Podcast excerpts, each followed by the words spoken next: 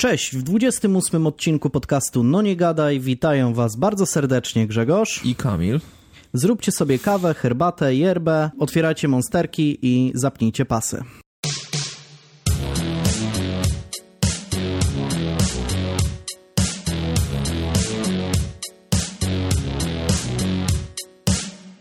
Dobra, no z takich rzeczy, które się, które się dzieją, to piłka nożna powoli wraca na, na boiska. E, I ta, I ta lokalna, i ta, i ta mniej lokalna. Co cieszy? Oglądałeś jakieś, jakieś mecze? Wiesz co, nie. nie no ja właśnie też nie. Właśnie nic ja nie oglądałem, też. ale pograłem sobie w piłeczkę teraz, jak była możliwość, tak, nie? No. Także to jest... Chyba na, na razie bardziej się cieszę z tego, że są otwarte orliki, jakieś no. boiska ogląda na oglądanie się przyjdzie czas. No mhm. oglądanie to ja bardziej tak wolę gdzieś tam w zimę, znaczy, nie masz opcji pograć ogląd sobie. Oglądałem jakieś fragmenty tych, e, tych meczów e, Bundesligi i trzeba przyznać, że no inaczej to trochę wygląda, nie? To znaczy, no jest no. ten, ten, ten... Brak ten, tego klimatu, nie? No, tego, tego klimatu niestety, niestety nie ma, ale no pff, lepiej tak niż gdyby miało tych rozgrywek nie być e, w ogóle, więc, więc wydaje mi się, wydaje mi się, że jest okej. Okay. No niedługo wraca Chyba jeszcze teraz w maju wraca Ekstraklasa, więc, więc też no. będzie masa, masa, e, atrakcji i, i doznań. W, w, ogóle słyszałem o tym, że Ekstraklasa sprzedała prawa swoje do Portugalii, do, na, że normalnie widzowie w Portugalii będą mogli sobie obejrzeć Ekstraklasę. Teraz podobno e, na dniach jakoś gdzieś czytałem, że w, że w Danii tak samo będzie chyba opcja hmm. obejrzeć. No to pięknie. Więc... No, no, jestem ciekawy, ilu, ilu się Portugalczyków i Duńczyków znajdzie takich, którzy będą chcieli oglądać polską ekstraklasę. Odpowiedź brzmi: Nie wiem, choć się domyślam. Ale podobno też y, chyba w Danii też wykupiono y, prawa do Ligi Wyspowczych, więc, więc może to być mm, podobny no, poziom. To może być taka ciekawostka, tak. nie? Po prostu w ramach takiej ciekawostki sobie można pooglądać. No. no. Znaczy w porównaniu z Ligą Wysp Owczych to pewnie Polska mo może liga wypadać jakoś w miarę pozytywnie. No tak, chociaż no, w tym porównaniu. No, no w tych meczach reprezentacji to raczej zawsze byliśmy górą z Wyspami Owczymi, ale no tam tak jest, że każdy aut to piłka w morzu, więc no. Lipa, Piłka w wodzie, więc, więc no to jest trochę trochę, inaczej, trochę za mocno i zmieniasz dyscyplinę na piłkę wodną po prostu. No, więc, więc tak, no, no to jest trochę Chociaż Wyspy Owcze bardzo, bardzo fajne miejsce podobno. E, chciałbym tam kiedyś, kiedyś pojechać. Podobno jest bardzo, bardzo miło i sielsko. Więc, więc tak. A jeśli chodzi o jakieś rzeczy y, poza sportowe, no to Dynastia, nie? Wróciła. Oglądałeś? No, za zacząłem, ale jeszcze nie mam, nie mam, nie wyrobiłem sobie opinii, bo dopiero początek. Więc Aha. nawet nie obejrzałem pierwszego odcinka. Bo to jest teraz Ale wiesz, ja się zakochałem w, w Lost sezon, Dance tak? ostatnio i, i, to oglądałem no. nagminnie. No i to jest super. Więc ja to nie wiem. Ja Last Dance jeszcze nie oglądałem, ale za to obejrzałem dokument e, Fangio o mm, no, jednym z najsłynniejszych e, kierowców Formuły 1. I jest bardzo, bardzo dobry. Pokazuje, Ale no jest gdzie sporo to, takich... Gdzie można go obejrzeć? Na Netflixie. Jest sporo takich e, archiwalnych właśnie filmów, zdjęć z, z czasów tych powiedzmy no takich zupełnie początkowych Formuły 1, jak tam był taki zupełny freestyle i bardzo, bardzo ciekawy. Wręcz bym powiedział, że no jest na równi z, z tym dokumentem o, o Sennie. Naprawdę jest, naprawdę jest na bardzo wysokim, e, na bardzo, bardzo wysokim poziomie ten, ten film, więc polecam. Myślę, że nawet e, tym, którzy nie lubią Formuły 1 się może spodobać. Nie bawi to, jak czasami się zapytasz kogoś, gdzie, gdzie ten serial można obejrzeć, gdzie ten dokument można obejrzeć, gdzie film można obejrzeć i ktoś mówi na CDA jest. A, no. Dlatego się zapytałem. Ja w ogóle nawet Czy na nie wiem... taki, wiesz, w ogóle nawet, nawet nie wiem, jaki teraz jaki teraz jest status CDA, bo tam teoretycznie się płaci chyba coś, Tam jest nie? jakiś taki premium i chyba na no. Zalukaj też zrobili jakieś takie premium. Że właśnie nie wiem, czy to jest... Czy, bo, Jesteś bo... premium piratem, takim wiesz, no właśnie, elegancko możesz sobie kupić Właśnie opaskę nie wiem, jak to działa, bo czytałem jakiś wywiad z jakimś szefem CDA i tam jest, e, że niby to jest jakby legalne, ale nie wiem, czy może to jest, działa tak jakoś na pograniczu. No ja z TDA nie korzystam, więc, więc e, no pewnie niektóre filmy mnie omijają w ten sposób, ale, ale no jakoś nie wiem, te wszystkie za, Zalukaj, Kinomaniaki i tam no. różne takie, to jakoś tak, nie wiem, no jak byłem biednym studentem czy biednym licealistą, to sobie wtedy no, zdarzało się, że korzystałem z tego typu rzeczy. Ja tak samo, ale premium teraz, nie wykupywałem. Teraz jeśli, jeśli nie ma czegoś na Netflixie czy tam na HBO, w najgorszym wypadku na Amazon Prime, to no to po prostu hmm. mnie to omija. No chyba, że na VOD sobie wypożyczę od czasu do czasu za, nie wiem, 15 zł jakiś no, film. masz te wszystkie chili, nie? I obejrzę, tak, no. To jest fajne. Więc... Jeszcze obejrzałem przecież Bad Boya. Yy, Bad, to Bad Boy to ten Wegi film o... A, to nawet nie, na, nawet nie widziałem. To jest o... Yy, film Patryka Wegi o mhm. chuliganach, no, o kibicach piłkarskich. O, proszę. Nazwijmy to tak. I jak? I powiem ci, że na początku myślałem, że rzeczywiście mi się spodoba. A były ujęcia by... z drona? By... O, to Jezus, ty się głupio pytasz. Bo się głupio pytasz. Ale byłem ci, bo tam e, takiego szefa tej, tej chuliganki, szefa jakby e, grupy kibiców, którzy chcą przejąć jakby władzę nad klubem, w końcu mhm. tam ją przejmują, jest Antoni Królikowski. I powiem ci, że jest tak wspaniały w tej roli, w życiu bym się nie spodziewał, nie? Jest, naprawdę jest świetny. No tak nie pasuje za bardzo, nie? No, zupełnie w tym, nie pasuje. W tym ostatnim filmie Wegi polityka grał... No, no ta, no polityka, nie który nie, nie, nie słynie z jakiejś takiej dziarskości. Ale, ale powiem ci, że naprawdę, śmiech. dlatego, dlatego był świetny. Bo ja, ja, właśnie się spodziewałem tego, że on to trochę przekoloryzuje, bo to łatwo trochę przekoloryzować mm. w takim wypadku gdzieś grania właśnie jakiegoś albo, nie wiem, dealera, albo jakiegoś tam kibica piłkarskiego, łatwo to, albo diskopolowca na przykład, to też mm. łatwo, łatwo przekoloryzować. On naprawdę był super. Hmm. I początek był też miarę spoko, ale później wiadomo, też sam się zrobił taki dziurawy ten scenariusz. No, mm. Im dalej w lasy, więcej drzew, nie? Na początku już, na początku było spoko, później Bory Tucholskie, a później już, wiesz, mm. Amazonka na sam koniec. W ogóle to, co na końcu się działo, to w ogóle... Ja mam, ja mam bogatą wyobraźnię, ale w życiu sobie nie, nie jestem w stanie wyobrazić, że tak, jak się zakończył ten film, że tak by mogło być w rzeczywistości. Kurczę, no nie...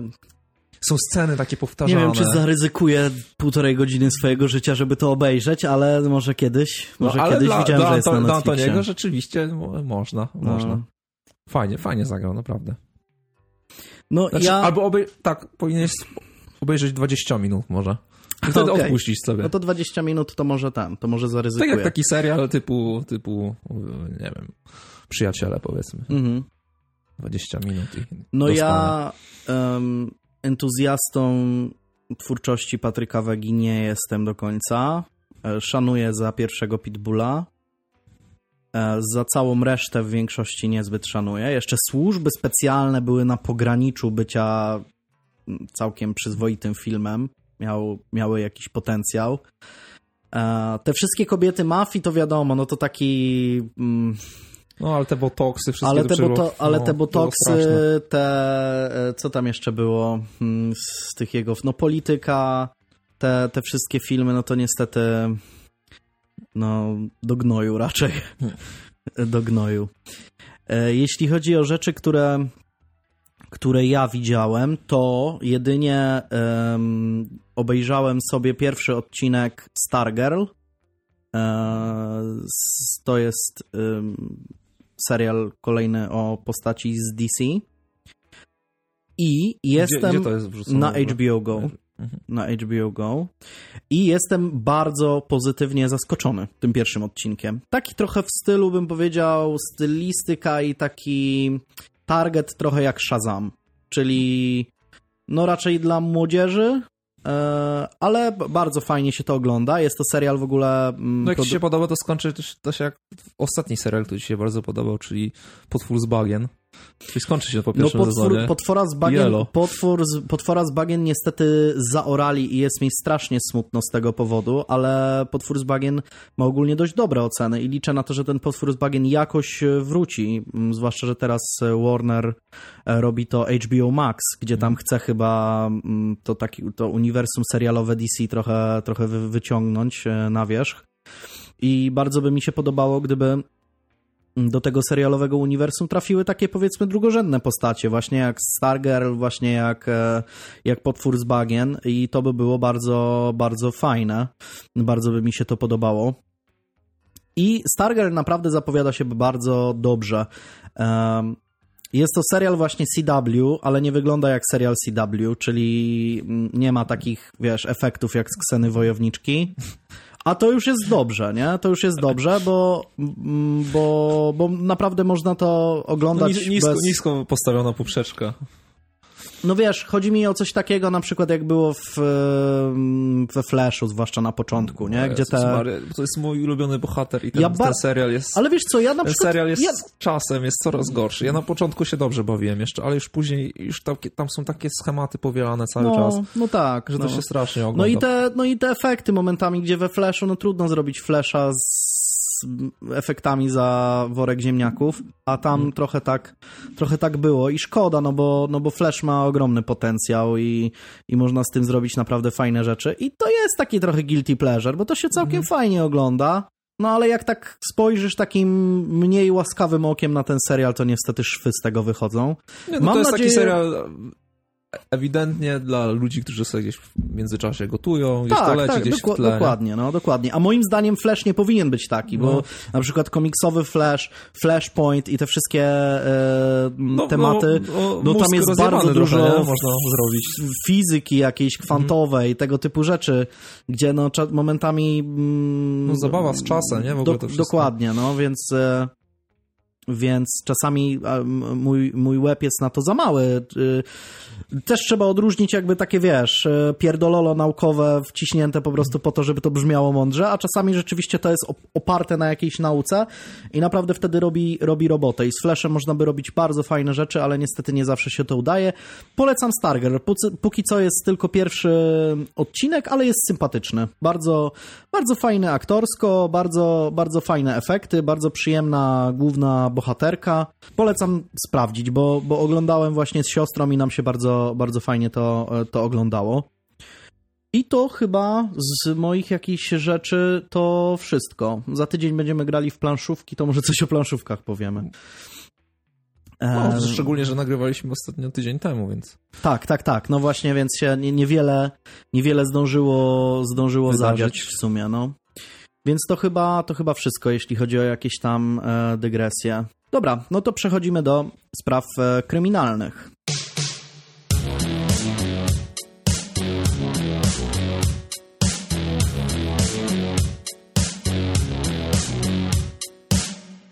Tym razem przenosimy się do Londynu. Mm, jak śpiewał Johnny Depp w moim ukochanym filmie Sweeney Todd. There's no place like London. I zaraz się przekonacie, że faktycznie nie ma drugiego takiego miejsca. Jest poniedziałek 23 sierpnia 2010 roku. Policjanci zjawiają się pod adresem Alderney Street 36 w Pimlico. Nie wszyscy są za pan brat z geografią Londynu, więc nadmienię tylko krótko, że jest to obszar będący częścią City of Westminster, czyli dzielnicy centralnego Londynu. Głównie chodzi o to, że to jest w samym centrum Londynu. Więcej o tym będzie jeszcze, jeszcze za chwilę.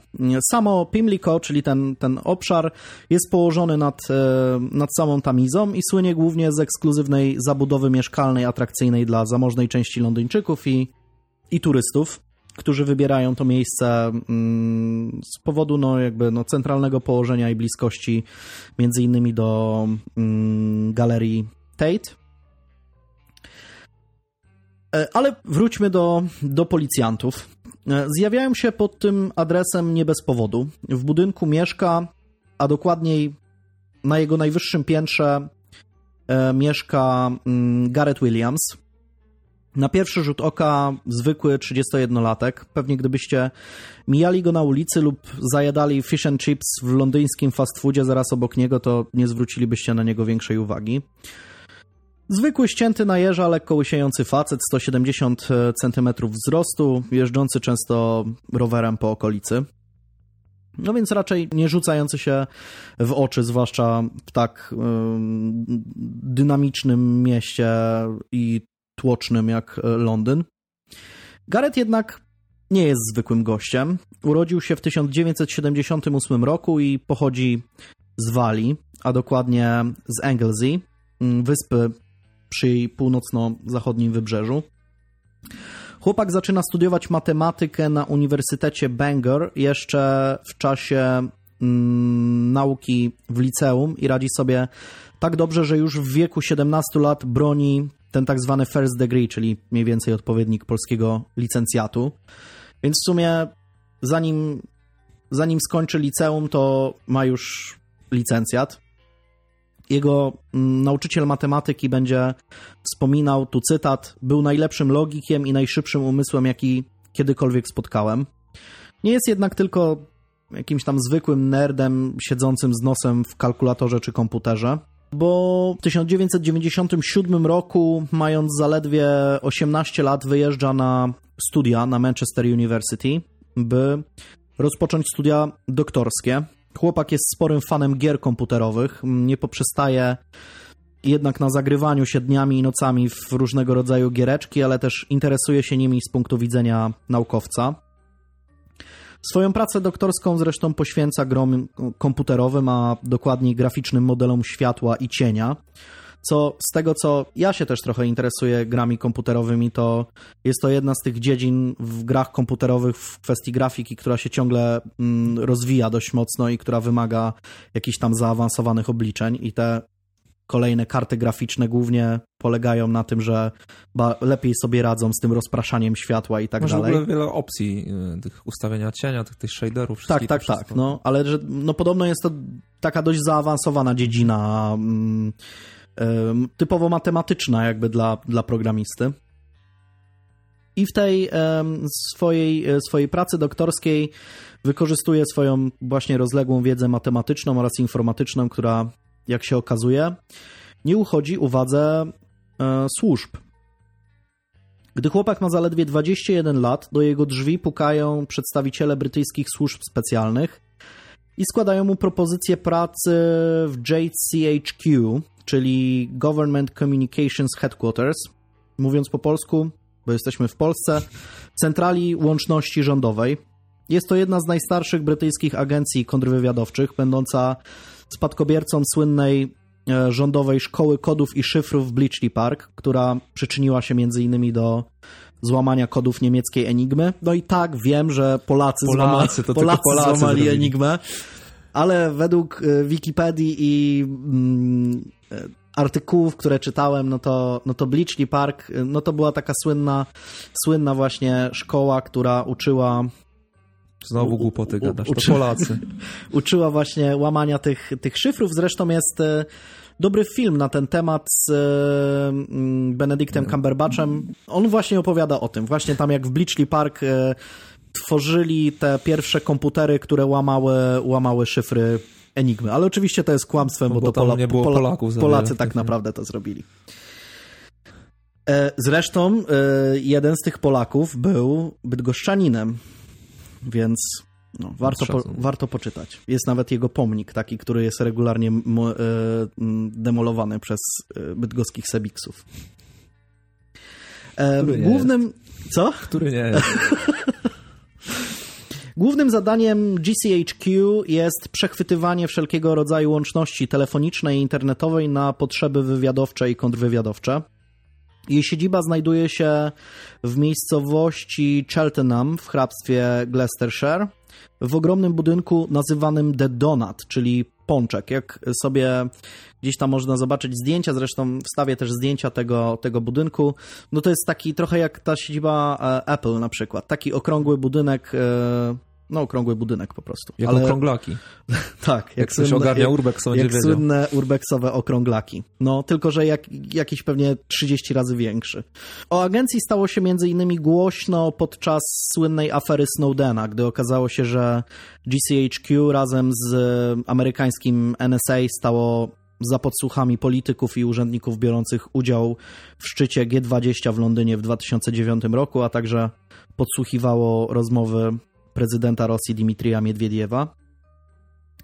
No ale wracając do Gareta, przez pewien czas spróbuje on dzielić swoje życie zawodowe w tej centrali łączności z kolejnymi studiami matematycznymi, tym razem w Cambridge, ale ilość obowiązków służbowych jest tak duża, że porzuca studia i w pełni poświęca się pracy.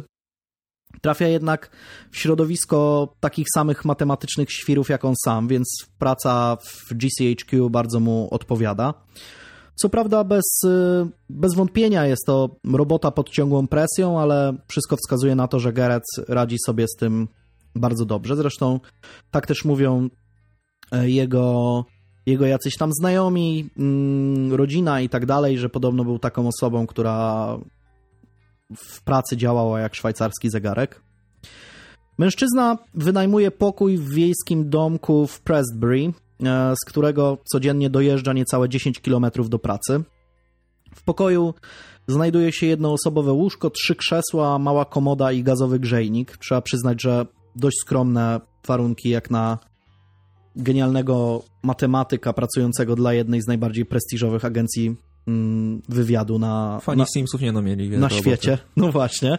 A jest zdjęcie tego pokoju, więc można w Simsach sobie odtworzyć, ale zajmie wam to jakieś półtorej minuty.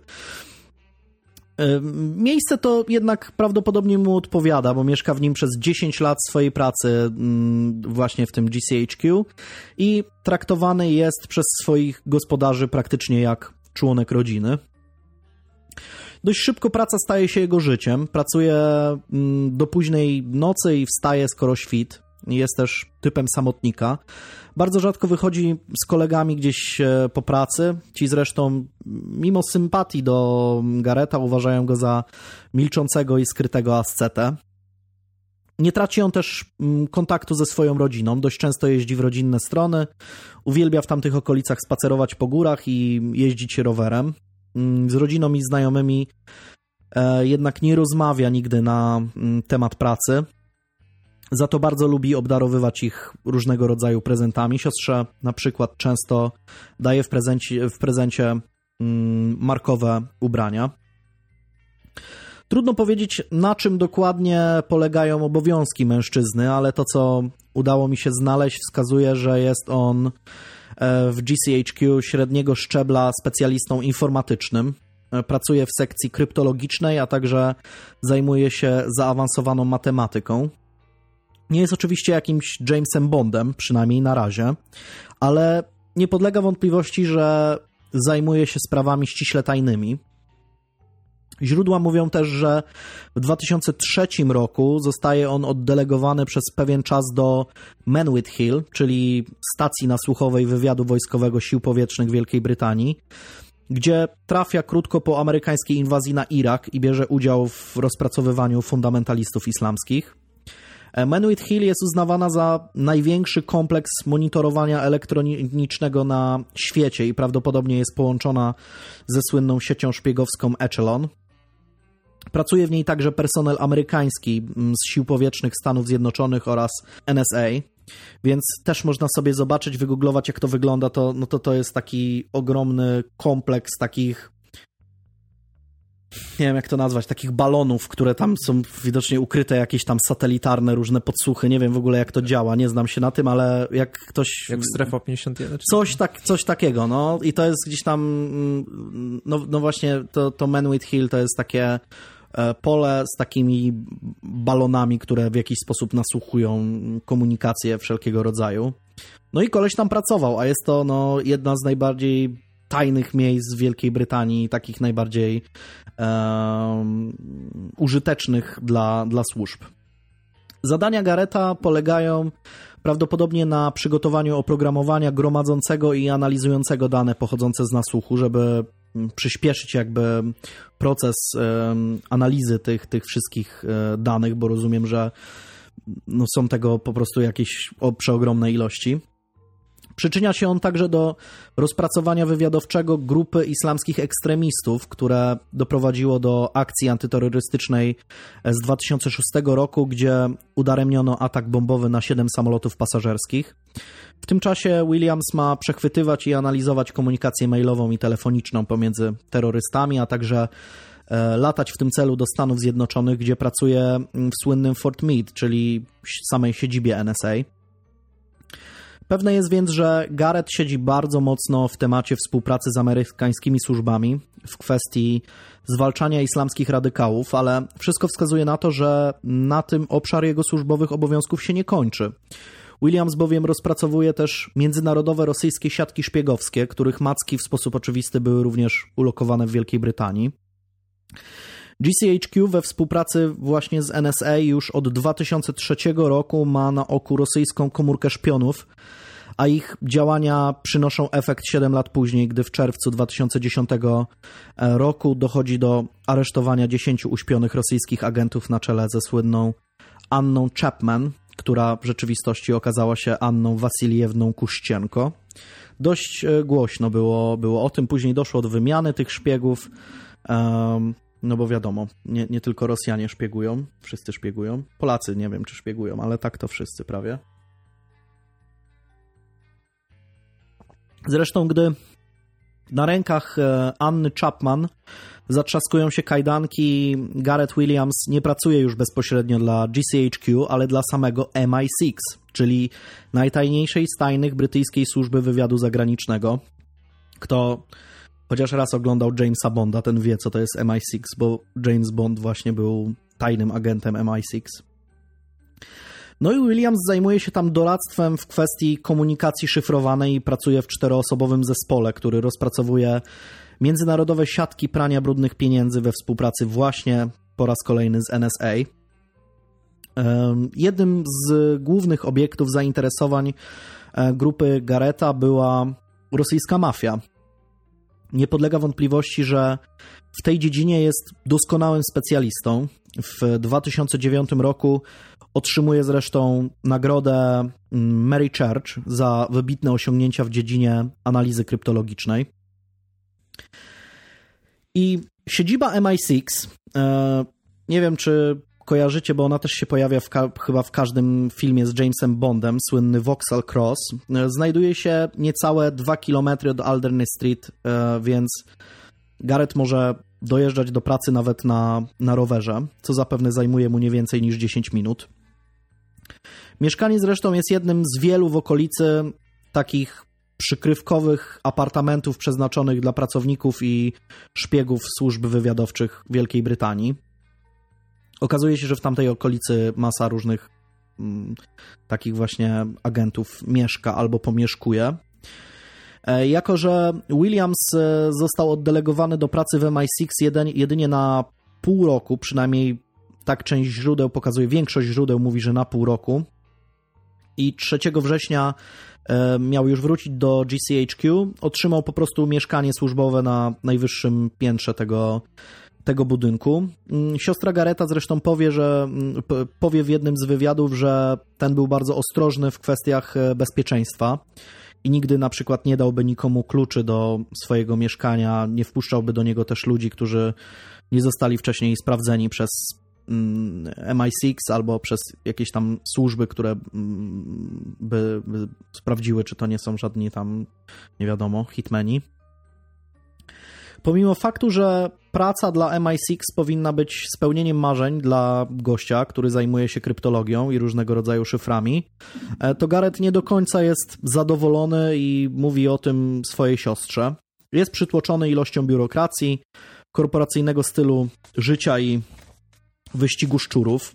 Już nie może się doczekać powrotu do pracy w tym Cheltenham, gdzie podobno atmosfera była dużo luźniejsza i okolica dużo spokojniejsza w porównaniu ze zgiełkiem pędzącego Londynu. Zadzwonił nawet już do tych swoich gospodarzy w Prestbury, by wrócić do tego samego malutkiego pokoju, w którym mieszkał podczas pracy w GCHQ. I większość lata 2010 roku Gareth spędził w Stanach Zjednoczonych, gdzie łączył swoją pasję do podróżowania z obowiązkami służbowymi. Wiadomo też, że udał się do Las Vegas, na hakerską konferencję DEFCON, która ściąga mm, właśnie hakerów, szpiegów i członków agencji wywiadowczych całego świata. To w ogóle jest ciekawe. Nie potrafię sobie wyobrazić. To trochę jak w Ricku i Mortim ten, e, ten, ten, jak to się nazywało? E, z tymi napadami na, na bank, nie? Tak, ten tak, ten tak, konwent tak. taki. Czytałem, że tam w ogóle są jakieś, y, że to wygląda jak konwent i tam są różnego rodzaju konferencje dotyczące, nie wiem, jakichś nowinek szpiegowskich i tak dalej, ale nie jestem w stanie sobie tego wyobrazić, jak to wygląda.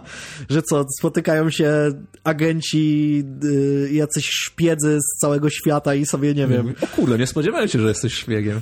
Patrz, tutaj mam taki nowy strzelający parasol, a ja mam laserowy no. zegarek, tak? A, a ja mam, nie wiem, odrzutowy samochód i odrzutowy Nie, wydaje mi się, plecak. że bycie szpiegiem polega na tym, żebyś się nie ujawnił, a, a nie żebyś nie wiem, na konwent Czytałem o tym, znaczy to, że taka szpiegiem. konferencja, nie wiem jak to nazwać, no konwent to mi się kojarzy z jakimś pyrkonem, ale no może to taki pyrkon dla szpiegów, no i tam sobie, nie wiem, pokazują różnego rodzaju ciekawostki. Myślisz, że są cosplaye? można sobie skosplayować kogoś. Nie wiem, no nie wyobrażam sobie tego, ale podobno coś takiego jest. To jest takie właśnie hakersko-szpiegowskie. I nawet część agencji szpiegowskich tam rekrutuje swoich członków na tym, więc to, jak takie e, jakieś, nie wiem, dni pracy czy coś no. takiego, gdzie możesz usiąść, porozmawiać z jakimś, nie wiem, członkiem NSA czy MI6 i złożyć swoją CV-kę. No, ciekawe, widocznie coś takiego jest. Byłem, byłem trochę w szoku. Może tam Polski Urząd Pracy też tam gdzieś się wystawia. Gdzieś. możliwe, no. Możliwe, też, możliwe, że tak to działa. No, podobno są tam właśnie różnego rodzaju nowinki e, ze świata hakersko-szpiegowskiego. Nie wiem, mm, nie byłem, ale może ktoś z naszych słuchaczy jest tajnym agentem służb specjalnych i nam powie co nieco o tym. Chętnie się dowiemy.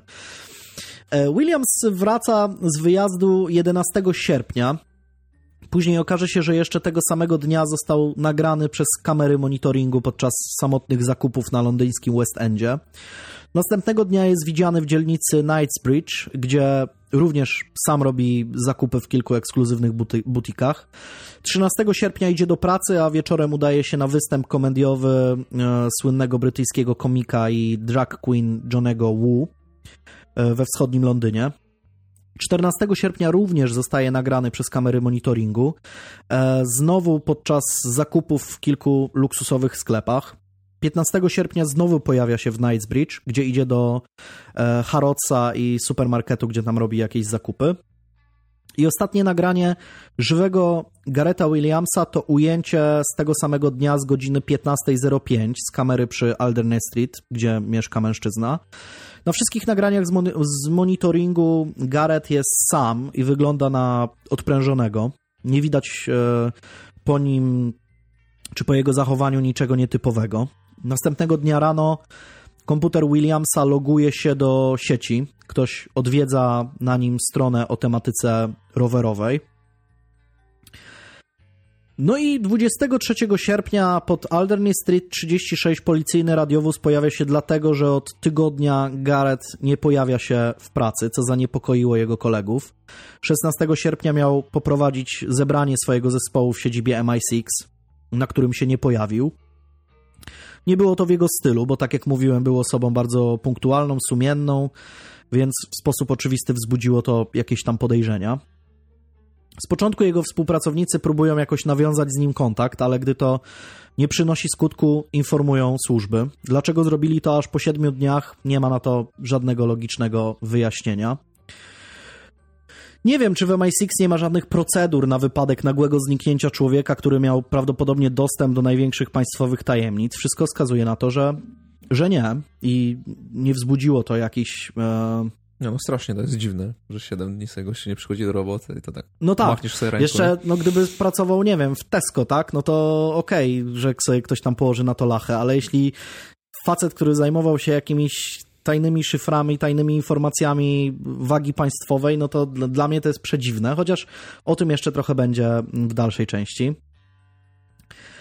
Jak się okazuje, alarm został też podniesiony już przez jego rodzinę, która nie mogła się z nim skontaktować od kilku dni. Gdy policjanci próbują dzwonić i pukać, nie otrzymują żadnej odpowiedzi. W końcu decydują się wejść do środka. Jedne źródła wskazują, że drzwi po prostu zostały wyłamane, inne źródła wskazują, że ktoś tam im, im otworzył. Nie wiem, nie wiem kto jest klucznikiem w jakichś tajnych mieszkaniach służb, ale no widocznie ktoś tam był, jakiś cieć im otworzył. Tajny cieć. W mieszkaniu panuje cisza i porządek. Pomimo tego, że jest środek lata, to ogrzewanie jest rozkręcone na maksa. Wewnątrz jest 30 stopni Celsjusza.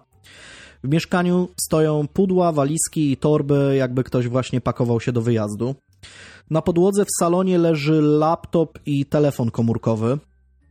Na stole w jadalni jest też kolejny telefon komórkowy i kilka kart SIM.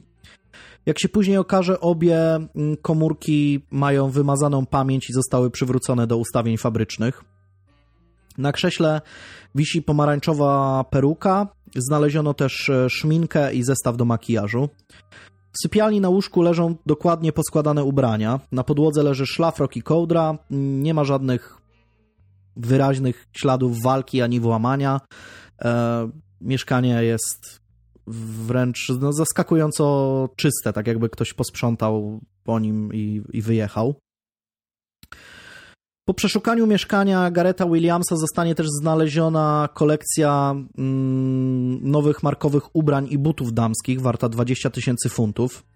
Siostra i znajomi mężczyzny twierdzą, że prawdopodobnie były one przeznaczone na prezenty dla nich. Jak się okazuje, mężczyzna interesował się modą, uczęszczał też na coś w rodzaju jakichś takich wieczorowych studiów z zakresu mody, więc bez wątpienia interesował się tym tematem. Do dziś jednak trudno powiedzieć, w jakim konkretnie celu e, trzymał w mieszkaniu aż taką ilość damskich ubrań. Nie jest przecież też wykluczone, że należały one na przykład do jakiejś pracowniczki MI6, która mogła mieszkać tam przed Williamsem lub planowała się wprowadzić tam po nim, no bo to mieszkanie należało do MI6 i rozumiem, że mieszkali tam różni ludzie. No ale teraz e, mm, najciekawsza rzecz w tej sprawie. Gdy policjant wchodzi do łazienki, czuje charakterystyczny zapach e, rozkładających się zwłok. Pomieszczenie jest niewielkie, więc w oczy rzuca mu się od razu mm, torba sportowa mm, firmy The North Face, stojąca w wannie. Gdy próbuje ją podnieść, zauważa, że wycieka spod niej brunatna ciecz. Przygląda się torbie i zauważa, że jest ona zamknięta na kłódkę. Gdy udaje mu się ją otworzyć, znajduje w niej nagie ciało Gareta Williamsa w zaawansowanej fazie rozkładu. Jest ono ułożone w pozycji embrionalnej, z rękoma złożonymi na piersi. Jak się okazuje, pod zwłokami znajduje się klucz do kłódki, którą zabezpieczone było zamknięcie torby. Przeprowadzona autopsja nie wykazuje na ciele zmarłego żadnych ran obronnych czy innych śladów walki, ma jedynie siniaki i jakieś drobne stłuczenia, które mogły powstać całkowicie naturalne bez niczyjej ingerencji. Żaden z trzech patologów biorących udział w sekcji nie był w stanie określić przyczyny zgonu Denata. Uznano, że Mężczyzna zmarł mniej więcej 7 dni przed odnalezieniem ciała, czyli prawdopodobnie 16 sierpnia. Co prawda, stopień rozkładu ciała nie ułatwia oczywiście badania, ale mm, w organizmie zmarłego zostają wykryte śladowe ilości kwasu 4-hydroksybutanowego, znanego powszechnie pod nazwą GHB. Jest to substancja psychoaktywna używana jako narkotyk rekreacyjny, ale także jest składnikiem tzw. Tak pigułki gwałtu. W dużych ilościach może powodować amnezję i utratę świadomości, a wykrycie go we krwi jest bardzo trudne. Faktem jest, y, że mm, toksykolog przeprowadzający badania mm, twierdzi, że ślady GHB mogły pojawić się w sposób naturalny podczas procesu rozkładu podobno jakoś tam się wytrąca ta substancja, mm, więc to, to jest możliwe, ale nie można wykluczyć, że Gareth zażył ten narkotyk lub został mu on w jakiś sposób podany. E, na samym ciele nie było żadnych oczywistych śladów otrucia, ani, ani w organizmie nie znaleziono żadnych e, śladów otrucia, ale ze względu na stan, w jakim ciało zostało znalezione, nie da się udowodnić, że mężczyzna na przykład nie został otruty mm, cyjankiem E, lub e, poddany mm, działaniu chloroformu. Na dłoni Williamsa znaleziono co prawda ślad DNA, jednak jak się później okazało, a przynajmniej tak poinformowano o tym w mediach, materiał genetyczny należał do jednego z techników śledczych, który wyciągał ciało z torby. We krwi mężczyzny wykryto też niewielkie ilości alkoholu, ale ten też mógł pojawić się w wyniku zaawansowanych procesów gnilnych. Bez wątpienia, gdyby służby szybciej zostały powiadomione o zniknięciu Gareta, badania toksykologiczne i sekcja zwłok mogłyby wykazać dużo więcej. Z jakiegoś powodu jednak MI6 zwlekało aż 7 dni. W łazience ani na wannie, ani na torbie, ani na kłódce nie zostają znalezione żadne odciski palców, ani ślady DNA. Nawet e, samego Williamsa. Jak to możliwe więc, że przez pięć dni po powrocie ze Stanów Garrett mieszka w apartamencie przy Alderney Street i nie zostawia w nim żadnego odcisku palców. Przecież musiał się w jakiś sposób, nie wiem, kąpać, korzystać z toalety, brać prysznic, cokolwiek. Nie ma na to pytanie żadnej sensownej odpowiedzi. Co prawda, w mieszkaniu znaleziono ślady DNA dwóch innych osób, między innymi na telefonie komórkowym i ręczniku, ale nie zdołano ustalić, do kogo one należały. Czy Gareth znalazł się w torbie, będąc nieprzytomnym? Czy może ktoś zagroził mu i kazał samodzielnie wejść do torby? A może Gareth zrobił to świadomie i z własnej woli? Czy w ogóle można założyć taki scenariusz? Czy był to jakiś seksualny fetysz mężczyzny? Czy może chciał się sprawdzić, czy będzie w stanie samodzielnie wyjść z zamkniętej torby? Czy w takim razie byłby w stanie samodzielnie się w niej zamknąć i od wewnątrz zatrzasnąć kłódkę, tak aby nie znalazły się na niej jego własne odciski palców? Jak w takim razie klucze znalazły się pod jego ciałem, a nie gdzieś w okolicach dłoni? Czy na przykład w taki sposób postanowił popełnić samobójstwo? W jego życiorysie nie znaleziono co prawda żadnych zachowań, które zwiastowałyby chęć targnięcia się na własne życie. Wręcz przeciwnie, Gareth nie mógł się doczekać powrotu do pracy w GCHQ, był w dobrym nastroju. Nie ma żadnych informacji z dzieciństwa, że lubi się zamykać w torbach na przykład. Nie, właśnie, właśnie nie, ale y, zaraz tutaj będzie y, kolejny y, zwrot akcji, bo w grudniu 2010 roku brytyjskie media zelektryzowały newsy dotyczące tego, że w komputerach i telefonach Williamsa znaleziono ślady jego aktywności internetowej i okazało się, że ten wchodził na strony o tematyce um, BDSM, w tym także takie, które skupiały amatorów właśnie krępowania, czyli tego tak zwanego bondage. Co więcej, gospodyni domu w Prestbury, w którym Garrett wynajmował ten pokój, również udzieliła wywiadu, w którym przytoczyła historię, w której w nocy została obudzona wołaniem o pomoc swojego lokatora i gdy weszła do pokoju Williamsa, zastała go w samych bokserkach przywiązanego do ramy łóżka. Incydent ten wytłumaczył chęcią sprawdzenia, czy będzie w stanie się sam oswobodzić z tych więzów. Ale oprócz tego jednego zdarzenia kobieta wspomina mężczyznę z sympatią i mówi, że nigdy nie było z nim żadnych problemów. No oczywiście trudno jest udowodnić, że taki incydent miał kiedykolwiek miejsce. Jak się jednak okazało przy bliższym zbadaniu tematu, Garrett odwiedzał tego typu strony internetowe bardzo rzadko i spędzał na nich niewiele czasu. Tam nawet jest dokładnie powiedziane, że w przeciągu chyba dwóch lat wszedł cztery razy na taką stronę. No to niewiele jak na kogoś, kto cały dzień spędza przed kąpem. Nie pojawiał się wśród ich treści też temat ym, klaustrofilii, czyli czerpania nienaturalnej przyjemności z bycia zamkniętym w ciasnych pomieszczeniach. Śledczy zresztą przeprowadzili eksperymenty mające na celu dowieść, czy dorosły mężczyzna o rozmiarach, budowie ciała zbliżonej do Gareta byłby w stanie umieścić torbę w wannie, wejść do niej, zasunąć zamek i zatrzasnąć kłódkę bez pozostawiania śladów na samej wannie lub torbie czy kłódce. No i przeprowadzono ponad 400 prób, ale ani razu nie odtworzono tego, co zastano w mieszkaniu przy Alderney Street. E, nawet brali w tym udział jacyś specjaliści jogi, czyli no tacy, którzy tam no są bardzo gibcy i potrafią się wyginać na różne strony, ale nie byli w stanie zrobić tego w taki sposób.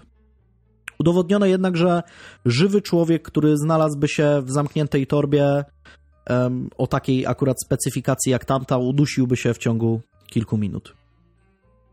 Wszystkie znaki na niebie i ziemi wskazują więc na to, że Gareth Williams nie znalazł się w torbie z własnej woli. Bardzo możliwe, że jego ciało zostało umieszczone w torbie w celu ukrycia zwłok w innym miejscu, ale z jakiegoś powodu ten plan porzucono. Być może ogrzewanie również uruchomiono nie bez powodu. Wyższa temperatura przyczyniła się z pewnością do przyspieszonego rozkładu zwłok. Ale komu w takim razie mogło zależeć na śmierci Garetha Williamsa? Czy do tego stopnia zaszedł za skórę rosyjskiej mafii albo moskiewskim służbom specjalnym, że te postanowiły go zlikwidować? Czy może MI6 zorientowało się, że ich genialny szyfrant wykonuje jakieś podejrzane ruchy, podejmuje podwójną grę, wyprowadza poufne dane z agencji, spotyka się z przedstawicielami obcych służb? Zapewne, gdyby brytyjskie służby natrafiły na trop Kreta w swoich szeregach, nie cofnęłyby się przed niczym. Kolejnym tropem jest, jest fakt, że 2010 mm, rok był też bardzo ważnym czasem w kwestii cyberprzestępczości, bo właśnie wtedy po raz pierwszy został wykryty słynny wirus e, Stuxnet, wymierzony głównie w irański program nuklearny.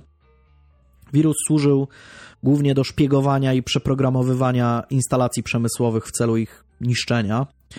Według szczątkowych wiadomości Stuxnet został opracowany przez amerykańsko-izraelski zespół kontrwywiadowczy.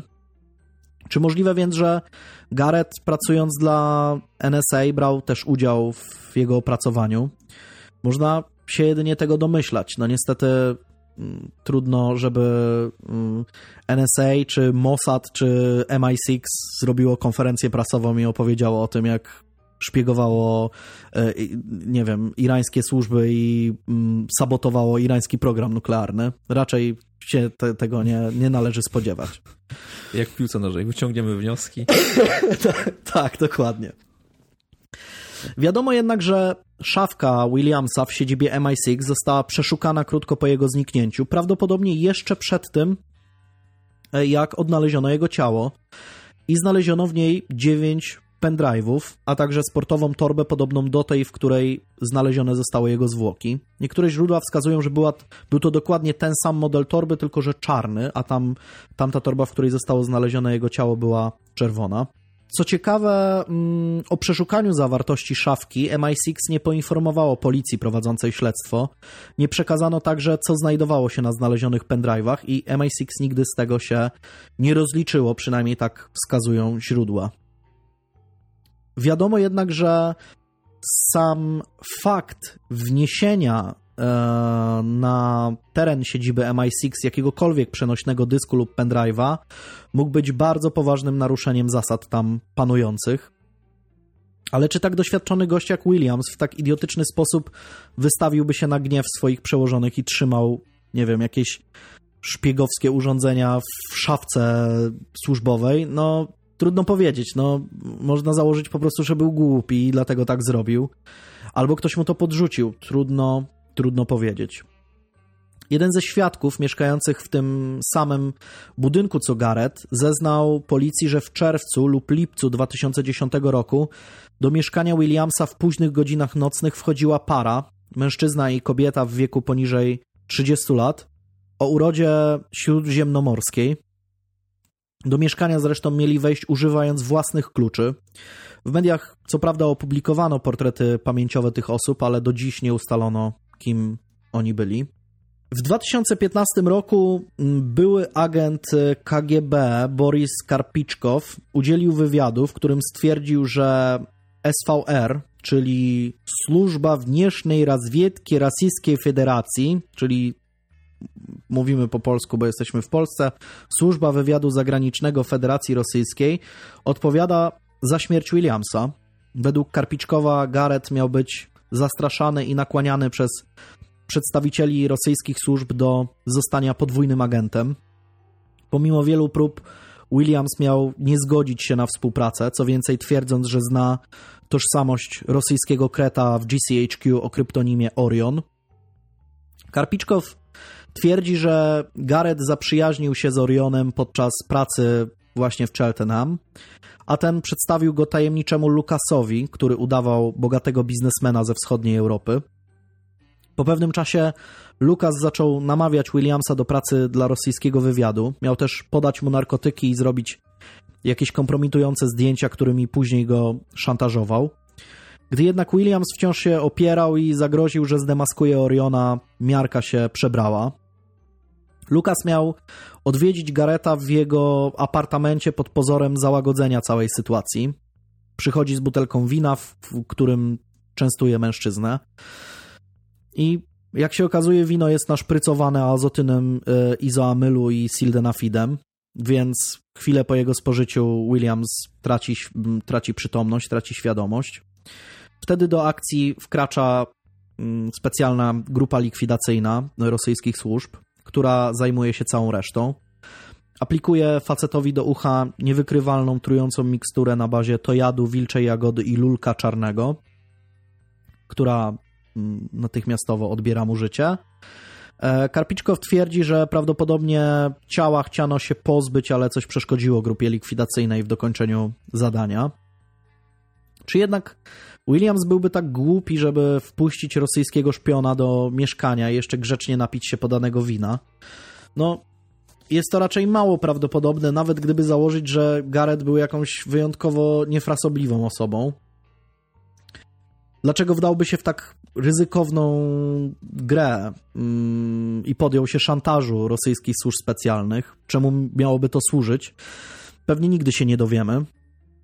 Jeden z jego przyjaciół mówił też, że Gareth zwierzył mu się z tego, że miał zostać zakwalifikowany do jakiegoś takiego specjalnego programu tajnych agentów e, i miał zmienić, e, żyć jakby pod podwójną tożsamością. Podobno miał już um, drugi paszport i tak dalej. Nie jest jednak powiedziane, w czym dokładnie miał brać udział, ale rzekomo się swojemu znajomemu z, te, z tego zwierzył, mimo że rodzina twierdzi, że nigdy nie opowiadał o jakichś tam swoich e, sprawach służbowych. Ale sytuacja jest taka, że Gareth nie żyje, został znaleziony w e, torbie mm, zamkniętej od zewnątrz e, z kluczem wewnątrz. Nie wiadomo w jaki sposób to zostało dokonane i, i w jaki sposób tak naprawdę zginął. Wiadomo jedynie, no, że pogrzeb Gareta odbył się w jego rodzinnym mieście w Anglesey w Walii. W ceremonii zresztą wziął udział ówczesny szef MI6 John Sowers i wygłosił w jej trakcie krótką przemowę, w której powiedział, że Williams był bardzo utalentowaną osobą, która wykonywała bardzo cenną pracę dla narodowego bezpieczeństwa. Na jego grobie można przeczytać inskrypcję w języku walijskim wyjątkowy syn i brat, wolny w górach. Trudno powiedzieć, co tam się wydarzyło. Mm, nie wierzę w to, mimo że tak naprawdę oficjalną po części mm, wersją wydarzeń jest to, że Gareth zginął w wyniku wypadku, tak, nieszczęśliwego. No ale nie wiem, co musiałby zrobić. No, no wejść do tej torby po co? W wannie po co? W jaki sposób? I, i, jaką, jakiego rodzaju ekwilibrystykę musiałby wykonać, żeby zamknąć się w tej torbie i po co miałby to tak jest naprawdę jeden sposób, żeby się o tym dowiedzieć wchodzisz w TikToka i oglądasz lifehacki i w końcu znajdziesz jakiś lifehack. Może tak, zrobić? może tak, ale myślę, że myślę, że musiałby być jakimś, nie wiem, mm, chudinim, żeby, żeby coś takiego próbować zrobić dla, nie wiem, własnej jakiejś przyjemności czy sprawdzenia. Ciekawe, czy wyjdę z, to, z zamkniętej torby. Albo no wyjątkowo mu się nudziło, ale wątpię, no. Zwłaszcza, że... Nie miałeś nigdy tak, że siedzisz sobie, a tam w rogu torba leży i tak cały czas zerkasz na tą torbę i tak nie, myślę, masz że... trochę z tyłu głowy, no może wejdę. Myślę, że jestem w stanie jakby bez sprawdzania ocenić, że nie byłbym w stanie nawet wejść do tej torby, a tym bardziej z niej wyjść. więc, więc myślę, że ten scenariusz y, no, jest przeznaczony dla wyjątkowo chyba naiwnych ludzi. E, więc wydaje mi się, że no, Gareth został, Gareth został zamordowany, ale pewnie nigdy się nie dowiemy przez kogo. Czy było to MI6, które chciało się pozbyć swojego, swojego agenta, który może robił jakieś rzeczy mm, niestosowne, delikatnie mówiąc. Albo to był, były rosyjskie służby, które w tym czasie też były dość aktywne i pewnie nigdy się nie dowiemy, jaka, i, i, jakie jest rozwiązanie tej zagadki. E, zdjęcia mm, do sprawy znajdziecie na naszym, na naszym Facebooku, na naszym Instagramie i oczywiście zapraszam do, do dyskusji na temat, co, co myślicie, co, co mogło się stać tam. Może ktoś śledził jakieś, jakieś informacje na temat działania właśnie różnego rodzaju służb w takich sytuacjach, może ma większą wiedzę, chętnie, chętnie posłucham. Dobra, to słucham Ciebie.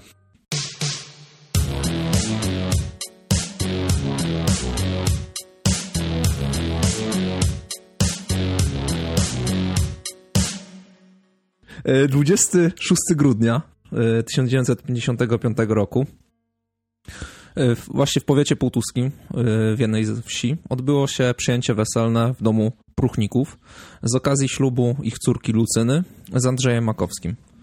Wesele huczne, jak to na wsi, a do tego stać było na to Andrzeja Pruchnika, ojca panny młodej, gospodarującego na 8 hektarach własnej ziemi, a i rodzice pana młodego, posiadający takie samo gospodarstwo w powiecie płońskim, nie poskąpili wydatków. Przyjęcie dla gości weselnych urządzono w chacie Kruchników, a w chacie ich kuzynki, Leonii Wasiakowej, mieszkającej po drugiej stronie drogi, w odległości tak około 90 metrów od domu weselnego, odbywały się tańce, czyli w jednym mieszkaniu była normalnie impreza, jadło, picie, a w drugiej było, były tańce. Samych gości było ponad setka. Nie pominięto nikogo z licznych krewnych pruchników i krewnych pana młodego. A Lucyna Pruchnikówna 23 grudnia dodatkowo w towarzystwie siostry chodziła od chaty do chaty, zapraszając całą młodzież ze swojej wsi. Po powrocie około południa z kościoła parafialnego w pobliskim miasteczku rozpoczęło się przyjęcie mm, w domu Pruchników. Z dużej izby wyniesiono wszystkie meble i ustawiono jakby wzdłuż ścian, a po środku ustawiono stoły i ławki. Mimo to z trudnością usadzono wszystkich biesiadników, których jak mówiłem już było ponad stówka. Również w chałupie Wasiakowej, przemienionej na tymczasową salę taneczną, panował taki tłok, że nie można się było przycisnąć między tancerzami. Podział więc był w miarę jasny. Starsze osoby pozostały w domu próchników, a młodzież zaraz po przyjęciu e, przeniosła się do Wasiakowej, aby potańczyć. Od czasu do czasu, rzecz jasna, wracano grupkami do domu weselnego, aby się gościć. Po posutym poczęstunku goszczenie to polegało oczywiście wyłącznie na spożywaniu białej substancji bianko na piciu łódeczki. Gospodarze elegancko przygotowali w komorze obok wielką stertę butelek i alkohol jak to na weselu płynął niewyczerpaną strugą przez, przez całe popołudnie. Więc w krótkich przerwach między tańcami, litr za litrem, znikały wypijane butelki. Jak woda. Jak woda. Około godziny siódmej wieczorem, też w sumie jak na tradycyjnym polskim weselu, wybuchła nagle gwałtowna sprzeczka między Romanem Borysiem, starszym drużbą e, pana młodego, a Stanisławem Pruchnikiem, stryjecznym bratem panny młodej. Obaj oczywiście już w fajnych fajnie, w fajnym rozmiarze już pijaniutcy. Bardziej w stylu właśnie najebałem, niż takiego luzackiego, wiesz, alkoholowego szeremera. Oficjalny powód ich bezpośredniej spiny jest dość, dość specyficzny, bo Boryś y, podobno nakazał muzykantom, żeby zagrali walca, natomiast Pruchnik zaś żądał foxtrota. No, niestety, no. no. no to... Ta zniewaga krwi wymaga. Tak miłość do tańca to bardziej niż polityka, nie? Potrafi podzielić ludzi. Tak, tak, tak. No. Zaczęli się szamotać. Oczywiście doskoczyli inni weselnicy i wywiązała się bijatyka, w której zarysowały się wyraźnie dwie wrogie partie, dwie wrogie strony. Z jednej byli to krewni pana młodego, a z drugiej bracia Stefan i Michał Pietrzykowie oraz ich ojciec Antoni. Ustalenie przebiegu powstałej bijatyki natrafiło na poważne trudności, bo większość świadków później starała się bądź zwalić winę za bijatykę na swych przeciwników, bądź wykręcić się brakiem pamięci, niewiedzą. Takie rzeczy. No wiadomo, po, po alkoholu też ten brak pamięci czas, czasami występuje, więc można usprawiedliwić niektórych. Sąd uznał, że zeznania tych świadków należy uznać za nieprawdziwe, skoro izba, w której rozpoczęła się awantura, nie jest wielka i wykluczona, aby z tak bliskiej odległości, kiedy w izbie paliła się lampa, kiedy prawie wszyscy się znali, nie rozpoznać osób biorących udział w awanturze. Zeznania świadków należało traktować jako obronę osób najbliższych przed odpowiedzialnością karną albo po prostu brakiem ochoty narażenia się późniejszym oskarżonym lub ich rodzinom. Głębszej Przyczyny bójki zapewne należy doszukiwać się w związku z tym, iż Stefan Pietrzyk swego czasu ubiegał się o rękę Lucyny Pruchnikówny. Ona sama zeznała, że ten chodził do niej przed wojskiem i chciał się z nią żenić. Z wojska pisał do niej listy, a jak był tylko na urlopie, to do niej przychodził. Był podobno jeden problem, on się Lucynie nie podobał. dosyć poważny problem, ale podobno podobno on nie za bardzo był w jej typie, bo lubił się chwalić, jak to potrafi się bić, jakim, jakim to on jest kozakiem, co nie podobało się i Lucynie, i jej ojcu. Na listy z wojska Lucyna podobno odpisała raz. Gdy Stefan był w woju, zaczął do niej przychodzić właśnie Andrzej Makowski i to za niego kobieta wyszła w końcu za mąż. Kiedy zapraszała na wesele Stefana Pietrzyka, ten miał na nią patrzeć w taki sposób, jakby miał do niej pretensje, że, że wychodzi za mąż za innego. Nie wydaje się to dziwne, o tyle, o ile te zamiary małżeńskie Petrzyka nie były początkowo przyjmowane niechętnie przez jego wybrankę. Powszechnie uchodziła we wsi za jego narzeczoną. Do późniejszych akt sprawy dołączono dwa listy, które słał Stefan do Lucyny. Oba zaczynały się jednakową formułką. Droga Lucysiu, siadam do stołu biało nakrytego i piszę liścik do serduszka twego. Ale ładnie. Pięknie, nie? No. W późniejszej części listu zaczyna jakąś tam logistyczną wyliczankę, czy uda się przeprowadzić ich ślub w trakcie jego cztero, tak pięciodniowej przepustki, co wydaje się dla niego niemożliwe, dlatego sugeruję poczekać. List kończy się zwrotem Kochana Lucysiu, co moje serce dla ciebie dyktowało, to pióro napisało. Na tym kończę i pozdrawiam cię, jak również i twoich rodziców, zawsze kochający cię z daleka Stefek. Bardzo ładnie. No, kiedyś, kiedyś pisało się fajne listy, nie? No. Teraz na tym Messengerze to tylko, wiesz, emotki, a zobacz jak ładnie można napisać. W odmowie danej Stefanowi i oddaniu ręki konkurentowi należało się zapewne doszukiwać istotnych przyczyn krwawej bójki, chociaż jak wiadomo na takim suto zakrapianym weselu niewiele potrzeba. Czasami właśnie wystarczy różnica gustów i spina właśnie między foxtrotem a walcem. Wracając... Ale jakie wesele, że foxtrot i walc, no. nie? Standardy, jak w Tańcu z Gwiazdami. No słuchaj, 55 rok, no to to nie było... Nie było disco polo było, jeszcze. O, no, no, no dokładnie. No nie Aż wiem, trudno sobie wyobrazić. Jak oni się tam bawili. Wracając do samej bitki, która powstała w wyniku sprzeczki Romana Borysia ze Stanisławem Pruchnikiem. Ona szybko przeniosła się z sali tanecznej na podwórko. Tutaj w tej pierwszej fazie bójki został dotkliwie pobity 24-letni Antoni Makowski, brat pana młodego.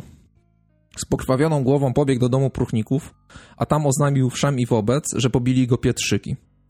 Na to Andrzej Makowski, jego brat Józef oraz kuzyn Zygmunt Nowak, nie dając się powstrzymać pannie młodej i innym kobietom, wyskoczyli z domu i pobiegli na drugą stronę drogi do chaty Wasiakowej. Razem z nimi biegł poraniony Antoni Makowski. Uzbroił się podobno po drodze w jakiś stołek, ale wyrwał mu go i odrzucił Józef Makowski. Tak w stylu kibiców, nie? Umowa była, że bez sprzętu bez to bez sprzętu. sprzętu. No ale okazało się to trochę złudne, bo jak już dobiegli, to się zdecydowali, że jednak będzie sprzęt.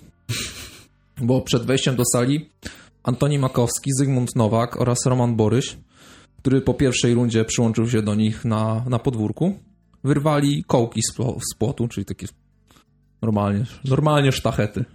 Normalnie gość. I wpadli do izby za Andrzejem Makowskim. Ustalono później, iż jeden z nich krzyknął, gdzie pietrzyki i wyrżnąć ich. Ale nie wiadomo, kto dokładnie yy, to wykrzyczał. Po czym rzucili się na Michała Pietrzyka i jego ojca Antoniego. Bijąc się ponownie, znowu wytoczyli się wszyscy na podwórko, gdzie dotkliwie sztachetami pobito Michała Pietrzyka. Gdy już trochę opadły emocje, jakby nigdy nic makowcy i towarzysze wrócili do domu weselnego. Stefan Pietrzyk zeznał, że w czasie bójki w chałupie Wasiakowej jakiś dwóch mężczyzn wypchnęło go za drzwi, a potem zawlekli koło szczytu budynku, przewrócili na ziemię i zaczęli bić rękami po głowie. Widząc to, jego matka Agnieszka przybiegła na pomoc i ściągnęła z niego jednego gościa.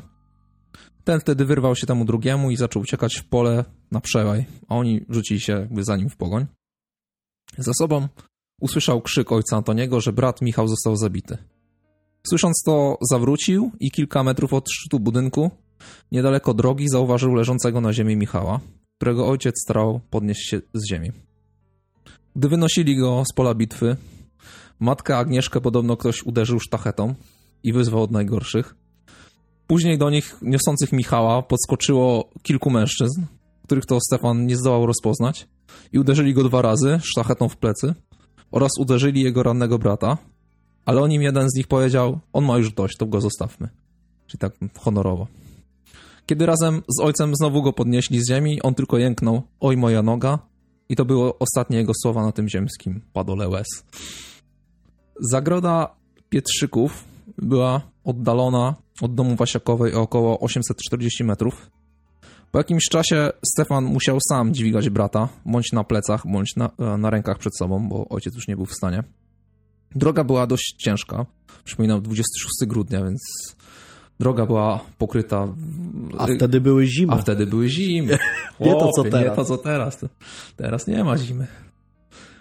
No czyli no, droga nie była zbyt elegancka, no było, było ślisko, był śnieg. Gdy już bili do chaty, Stefan chciał uruchomić motocykl, aby pojechać do miasteczka po pogotowie. No ale zgodnie ze znanym prawem Marfiego motor akurat wtedy nie zaskoczył. Zaprzęgli więc na szybko konia do wozu i pojechali po pogotowie. W miasteczku grzecznie zameldowali jeszcze o ciężkim pobiciu Michała na posterunku MO i wrócili do domu. Lekarz stwierdził zgon Michała i opatrzył Stefanowi rany na głowie. Chciał go zabrać do szpitala, ale ten odmówił. Stefan i Antoni Pietrzykowie, jadąc do miasteczka, musieli przejeżdżać obok zagrody Pruchników, znowu o, o, koło, koło ich domu przejeżdżać, gdyż do miasteczka nie prowadziła inna droga. I właśnie w tym czasie zostali ciężko poranieni jeszcze dwaj goście weselni, Tadeusz Cieślak i Roman Boryś. Według zeznania tego drugiego zajście przedstawiało się w następujący sposób, bo po bitce Andrzej Makowski zebrał, e, zabrał muzykantów z tego domu e, e, tanecznego i zabrał ich do, do domu próchników. Poszli za nimi wszyscy goście weselni, aby bawić się dalej. Roman wraz z Tadeuszem postanowili wyjść na chwilę na dwór, ale przy drzwiach zatrzymała ich Małgorzata Frąckówna, jakby ostrzegając prosiła, żeby nie wychodzili. Roman chwilę się namyślał, lecz idący za nim Tadeusz Cieślak powiedział chodź, co będziesz się oglądał. I wyprzedzając go pierwszy, wysunął się za drzwi. W tym samym momencie krzyknął oj, oj, ratuj mnie i począł raptownie przysiadać. Roman złapał go lewą ręką za ramię, żeby, no, żeby nie upadł. I w tym czasie został ugodzony nożem w tę rękę, którą go próbował e, powstrzymać przed upadkiem. Wtedy zauważył Stefana Pietrzaka, który trzymając nóż w ręce krzyknął: Już jednego zakatrupiłem. Roman wtedy uciekł do środka mieszkania i zaczął wołać o pomoc dla tatka. Wtedy kuzyn cieślaka podbiegł i wziąwszy go na ręce zaniósł na łóżko. Stefana już wtedy, wtedy nie było. Po jakimś czasie Adam Lasek, czyli ten właśnie kuzyn, pojechał rowerem do miasteczka po Bogotowie, które to zabrało obu do szpitala powiatowego w Półtusku. Michał Pietrzak nie był jedyną ofiarą śmiertelną z tej imprezy, bowiem Tadeusz Cieślak, o którym przed chwilą wspominałem, również zmarł w drodze do szpitala. Stefan Pietrzyk oczywiście stanowczo zaprzeczał, jakoby zaczaił się z nożem pod domem próchników. Jego alibi było jednak okrutnie średnie, bo tłumaczył się wyłącznie tym, że nie zatrzymał się przy domu próchników, gdyż mu się za bardzo spieszyło. No nie jest takie mocne alibi. No, no myślę, że tak. No jest do podważenia. No, jest do podważenia. Około godziny 22 na miejscu zjawili się funkcjonariusze MO, gdy okazało się, że bójka weselna pociągnęła za sobą śmiertelne ofiary. Zawiadomili oni komendę powiatową MO w Półtusku. Stwierdzono, że wokół domu Leonii Wasiakowej, w którym odbywały się tańce, śnieg w promieniu 30 metrów z wszystkich czterech stron jest zdeptany i silnie spryskany krwią. Dość liczne ślady krwi znaleziono też na drodze między domami, a także przed wejściem do domu próchników. Zabezpieczono siedem różnej wielkości grubych sztachet obok domu Wasiakowej oraz kilka cieńszych w okolicy. Można, można sobie zobrazować, jak to, ta bitka musiała wyglądać. Ale zawsze e, gdzieś w takich op opowiadaniach, że e, słyszałem, że wiesz, no, że wesele zawsze się gdzieś tam kiedyś kończyło bitką. No teraz to już chyba aż tak nie, nie, chociaż może, może się zdarza. No bo alkohol tam gra. Eee, pierwsze skrzypce. Pierwsze skrzypce. ale, ale właśnie te sztachety. Dlaczego te sztachety zawsze grały taką rolę? Bo to taka klasyka no, gatunku, klasyka nie? Gatunku, no. Właśnie, napieprzanie się tymi sztachetami.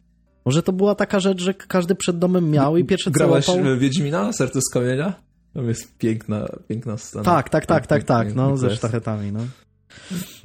No coś w tym jest. No nie, no to jest no, najłatwiejsza broń chyba, nie? Na, na wsi taka, do wyciągnięcia, no, nie? No bo siekiera to już wiesz, to już no... To, to za groźnie, no a nie, taka sztacheta to... No ale tutaj masz siedem takich solidniejszych sztachet i kilka mniejszych. No to zobacz, no nie znajdziesz siedmiu sztachet na jakimś gospodarstwie, yy, siedmiu siekier na No nie, no jasne, jasne, więc to była, ta, no może tak, może to była taka mm. pierwsza rzecz pod ręką, nie? No. Może faktycznie. Wszystkie, wszystkie te sztachety, o których wspominałem, yy, te siedem grubszych, o kilka cieńszych, e, były splamione krwią, a dwa z nich miały na czubku wbite gwoździe, których ostrze wystawało o 4 cm. Na jednym oprócz krwi znaleziono włosy. Sekcja Michała Pietrzyka ustaliła, że śmierć nastąpiła wskutek rany kłutej czaszki, drążącej do tkanki mózgowej i wylewu krwawego w okolicy rany. Sekcja zwłok Tadeusza Cieślaka wykazała, że Denat otrzymał ranę kutą w okolicy piątego międzyżebrza, z lewej strony drążącą przez przeponę i żołądek. Rana kuta żołądka wypełnionego obficie treścią pokarmową, jak to pouczcie. Jak to wesele, no. Powodowała silne krwawienie, że śmierć nastąpiła wskutek skrwawienia się i niewydolności krążenia. W dniu 29 grudnia 1955 roku prokurator powiatowy w Putusku wydał postanowienie o tymczasowym aresztowaniu Andrzeja Makowskiego, Romana Borysia i Stefana Pietrzyka, a wobec Zygmunta Nowaka zarządził dozór milicyjny. 2 stycznia do tego grona dołączył Antoni Makowski, który ze względu na jeszcze niewyleczone okaleczenia z tej, z tej wojny został umieszczony w szpitalu więziennym. Jak wspominałem na początku, przesłuchiwane osoby miały nagłe zaniki pamięci, jak to bywa właśnie po, po alkoholu. Ale mimo tych żmudnych działań w końcu prokurator wojewódzki postawił w stan oskarżenia Stefana Pietrzyka, urodzonego w 1932 roku, pochodzenia i przynależności społecznej chłopskiej. To jest bardzo ważne. Wykształcenie 7 klas szkoły podstawowej i 3 klasy szkoły zawodowej. Kawaler, zawodu ślusarz maszy maszynowy. Więc dosyć. No, chłop miał głowę na karku jak tam, na tamte czasy, bo no. oglądałem. Jak później też wspomnę, e, jak inni, to inni trochę mniej tych szkół skończyli. Fajne w ogóle to, że, że kiedyś w, e, jakby w akcie oskarżenia było, kto ile szkół skończył, nie? Rok zerówki bym miał, sześć podstawówki, trzy gimnazjum, trzy liceum, no. pięć studiów. No. To już byś był, wiesz. Już bym był kozak. To już, na, no, już na drugiej stronie by dopiero był za ten kwalifikacja prawna. No ale on yy, został oskarżony o to, że w zamiarze pozbawienia życia Tadeusza Cieślaka uderzył go nożem w klatkę piersiową, zadając mu ranę kłutą, drążącą do wnętrza, w wyniku której nastąpiło skrwawienie i uniemożliwienie pracy serca, a następnie zgon cieślaka. Ponadto w stan oskarżenia postawiono Andrzeja Makowskiego, też przynależność chłopska, wykształcenie dwie klasy szkoły podstawowej. Antoniego Makowskiego, siedem klas podstawówki, też wykształcenie, przynależność chłopska. Romana Borysia, siedem klas szkoły podstawowej. Zygmunta Nowaka, cztery klasy szkoły podstawowej. I też ważna informacja, właściciel 4 hektarów ziemi. O, proszę. To też trzeba było zawrzeć. O udział w bójce, w której zabici zostali Michał Pietrzyk i Tadeusz Cieślak.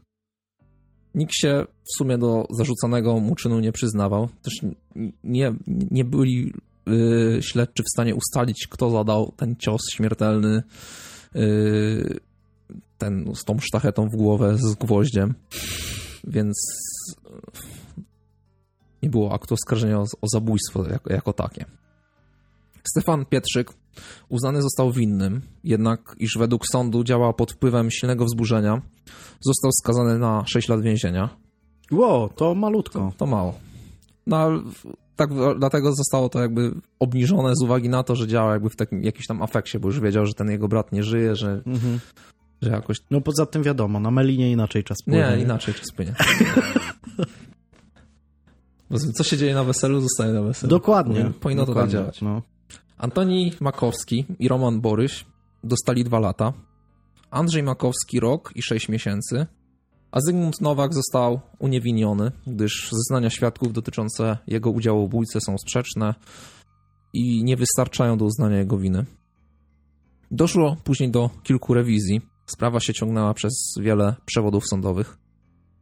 Sąd, dając ogólną charakterystykę tej bitki, stwierdził, że osoby biorące udział w tańcach w domu Leonii Wasiak znajdowały się w stanie znacznego zamroczenia alkoholowego. W takiej atmosferze przesy przesyconej alkoholem każdy powód jest dobry do tego, by zacząć się wzajemnie bić. I to głównie charakteryzuje tego rodzaju karczemne awantury, że cały szereg osób w sposób bezmyślny przyłączają się do bijących, zatracając ogólny powód zwady lub też wprost nie wiedząc o co chodzi. To jest właśnie główne niebezpieczeństwo tego rodzaju wystąpień i bujek. I to powoduje, że następują tak tragiczne skutki, jak śmierć lub kalectwo osób, do których na początku e, zajścia mógł nikt nawet nie mieć pretensji. To bardzo wyrozumiały sąd, że tak e, jest ten. Ale no, nauczka, znaczy nauczka. E, przedstawił takie motto na, na przyszłość, na kolejne wesela, jakby, żeby każdy wiedział, tak. że Alkohol, najgorszy wróg, wróg, tak. mężczyzny. Hydra zagadka, ale polecamy. Andrzej Makowski został później uniewinniony, bo tam też były problemy właśnie z tym, że niektórzy go widzieli, niektórzy go nie widzieli, ciężko to było udowodnić. A Stefan Pietrzyk wyszedł warunkowo po odbyciu dwóch trzecich kary. No proszę, bardzo ciekawa, ciekawa e, historia, taka taka polska. No, no ja tylko takich, takie wyszukuję. Taka polska, a w ogóle... Jest, jest element bitki, jest element wesela, tak. jest element chłop chłopa nożem. Tak, tak, tak, tak. Jest tak. wszystko. Bardzo, bardzo jest mi się, alkohol, o, bardzo alkohol. mi się, bardzo mi się podoba. Bardzo mi się podoba. Mm, I w ogóle są jakieś zdjęcia z tego? Nie ma. Kurczę. To jest z tej no mojej ulubionej książki. E, te... Tak, Pitawal spraw makabrycznych, czyli sprawy pijackie. No tak właśnie, tak właśnie coś czułem, że to jest... W ogóle, że to, jest... To, jest, to, jest, to jest takie złoto. Pierwszy, pierwsza, e, pierwszy rozdział mhm. jest e, sprawy rodzinne i pierwsza sprawa jest zatytułowana Zabójstwo rozpijaczonej żony. Wyobraź sobie, jakie to jest złoto, jeżeli pierwszy, pierwszy, pierwszy rozdział to zabójstwo zabójstwo rozpieczonej żony. I później gdzieś tam dalej jest e, zabójstwo, e, kolejne zabójstwo żony, na przykład mm. e, bójka pod, pod kioskiem z piwem, coś takiego. Tam w ogóle jest, jest bajka, nie? No sprawa jest ciekawa, chciałbym tych ludzi, chciałbym tych ludzi zobaczyć, to by było fajne, zobaczyć jak to tam, jak to tam wyglądało, ale to pewnie... Nie, no można sobie wyobrazić, bo mniej więcej każdy może sobie, młodzi, nie? każdy może mniej więcej sobie wyobrazić, jak takie wiejskie wesele wyglądało w tamtych, w mm. tamtych czasach, no. No mi się wydaje, że mogło, wiele wesel się tak, no, nie kończyło się tak strasznie i tak tragicznie, mm. ale, ale pewnie. Ale wiesz, pewnie to mogła być taka. z wesela, to, to tak mogła być taka reakcja, reakcja łańcuchowa, nie? Trochę, że no gdzieś tam. Wiesz, szczeg szczególnie reakcja łańcuchowa, bo ta pierwsza zwada nie była między tymi głównymi stronami opozycyjnymi, którzy później jakby ze sobą walczyli. Y, te pierwsze dwie osoby nie były jakby te pierwsze dwie osoby nie były związane z tym tak, tak, z tak, tymi tak, stronami, które no. później no. się włączyły. Po prostu mhm. dwie osoby zaczęły się klepać, no to ruszyli wszyscy. Tak. Bitka i później dopiero obczaj. Dobra, my się trzymamy z tymi, my się trzymamy z tymi. Mhm. Już nikt nie wiedział za bardzo o co poszło za pierwszym razem. No. Bo nie wiem, bo na przykład bym był fanem Foxtrota, a bym stanął, wiesz, za walcem, nie?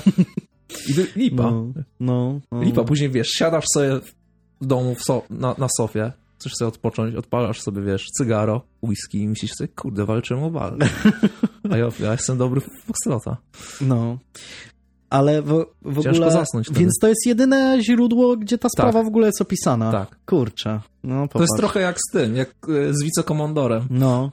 Taka sprawa. Może, może, może, może, może ktoś się znajdzie, kto mieszkał w tamtych czasach, no ale to tak czy inaczej musiałby być dość mocno wiekowy i może gdzieś tam te rodziny jeszcze, jeszcze żyją i niektórzy pamiętają te zajścia, albo chociaż o nich słyszeli, bo wydaje mi się, że musiało być o nich, o nich dość głośno. Nie no, na pewno. To, to, by było, to by było ciekawe, to by było ciekawe, chociaż nie wiadomo, no, czy ktokolwiek... Jak było głośno pewnie w tamtych stronach tylko, bo, bo to nie poszło gdzieś w Nie, no, no eter, tak, nie? no ale mówię, no, no wiadomo, jeśli to, to była to, też był, jakaś... był PRL, to było wszystko to zamiotane pod dywan, nie? No to mo może jedno, Często. a druga rzecz, że no jak to była mała wieś, no to raczej wiesz, no, no co, no się po prostu chłopy zaczęli tłuc i tyle, nie? Dzień jak co dzień, nie? No dzień jak co dzień, więc, więc tyle. E, dobra, no, no to nie wiem, będę musiał coś wymyślić, żeby jakąś miniaturkę tam no. wstawić. Nie? Jakiś, jakiś, wstawisz tego. E, sztachetę. tego, tego, zakrwawioną sztachetę. Tak, tego, tego zombiaka z naszego logo ze sztachetą. No, nie wiem, coś, coś, coś wymyślę, ale no to wtedy, to wtedy. Ja mam za to, w mojej sprawie jest dość, dość dużo zdjęć, e, więc, więc, więc będziecie mogli sobie je, je obejrzeć. Będzie ich dość, dość sporo. Więc tradycyjnie zapraszamy na naszego Facebooka, Instagram, e, Twitter, e, komentujcie, e, dawajcie łapki w górę i... Hasztagi i, na grupie. Tak, hasztagi, przede wszystkim hasztagi na grupie w dużych ilościach. I to wszystko. Dzięki wielkie. Usłyszymy się w następnym odcinku, który nie wiem kiedy, kiedy będzie, jak, ale... Jak Boziada. Mam nadzieję, że, że będzie, jak Boziada. To wszystko. Na razie. Nareczka.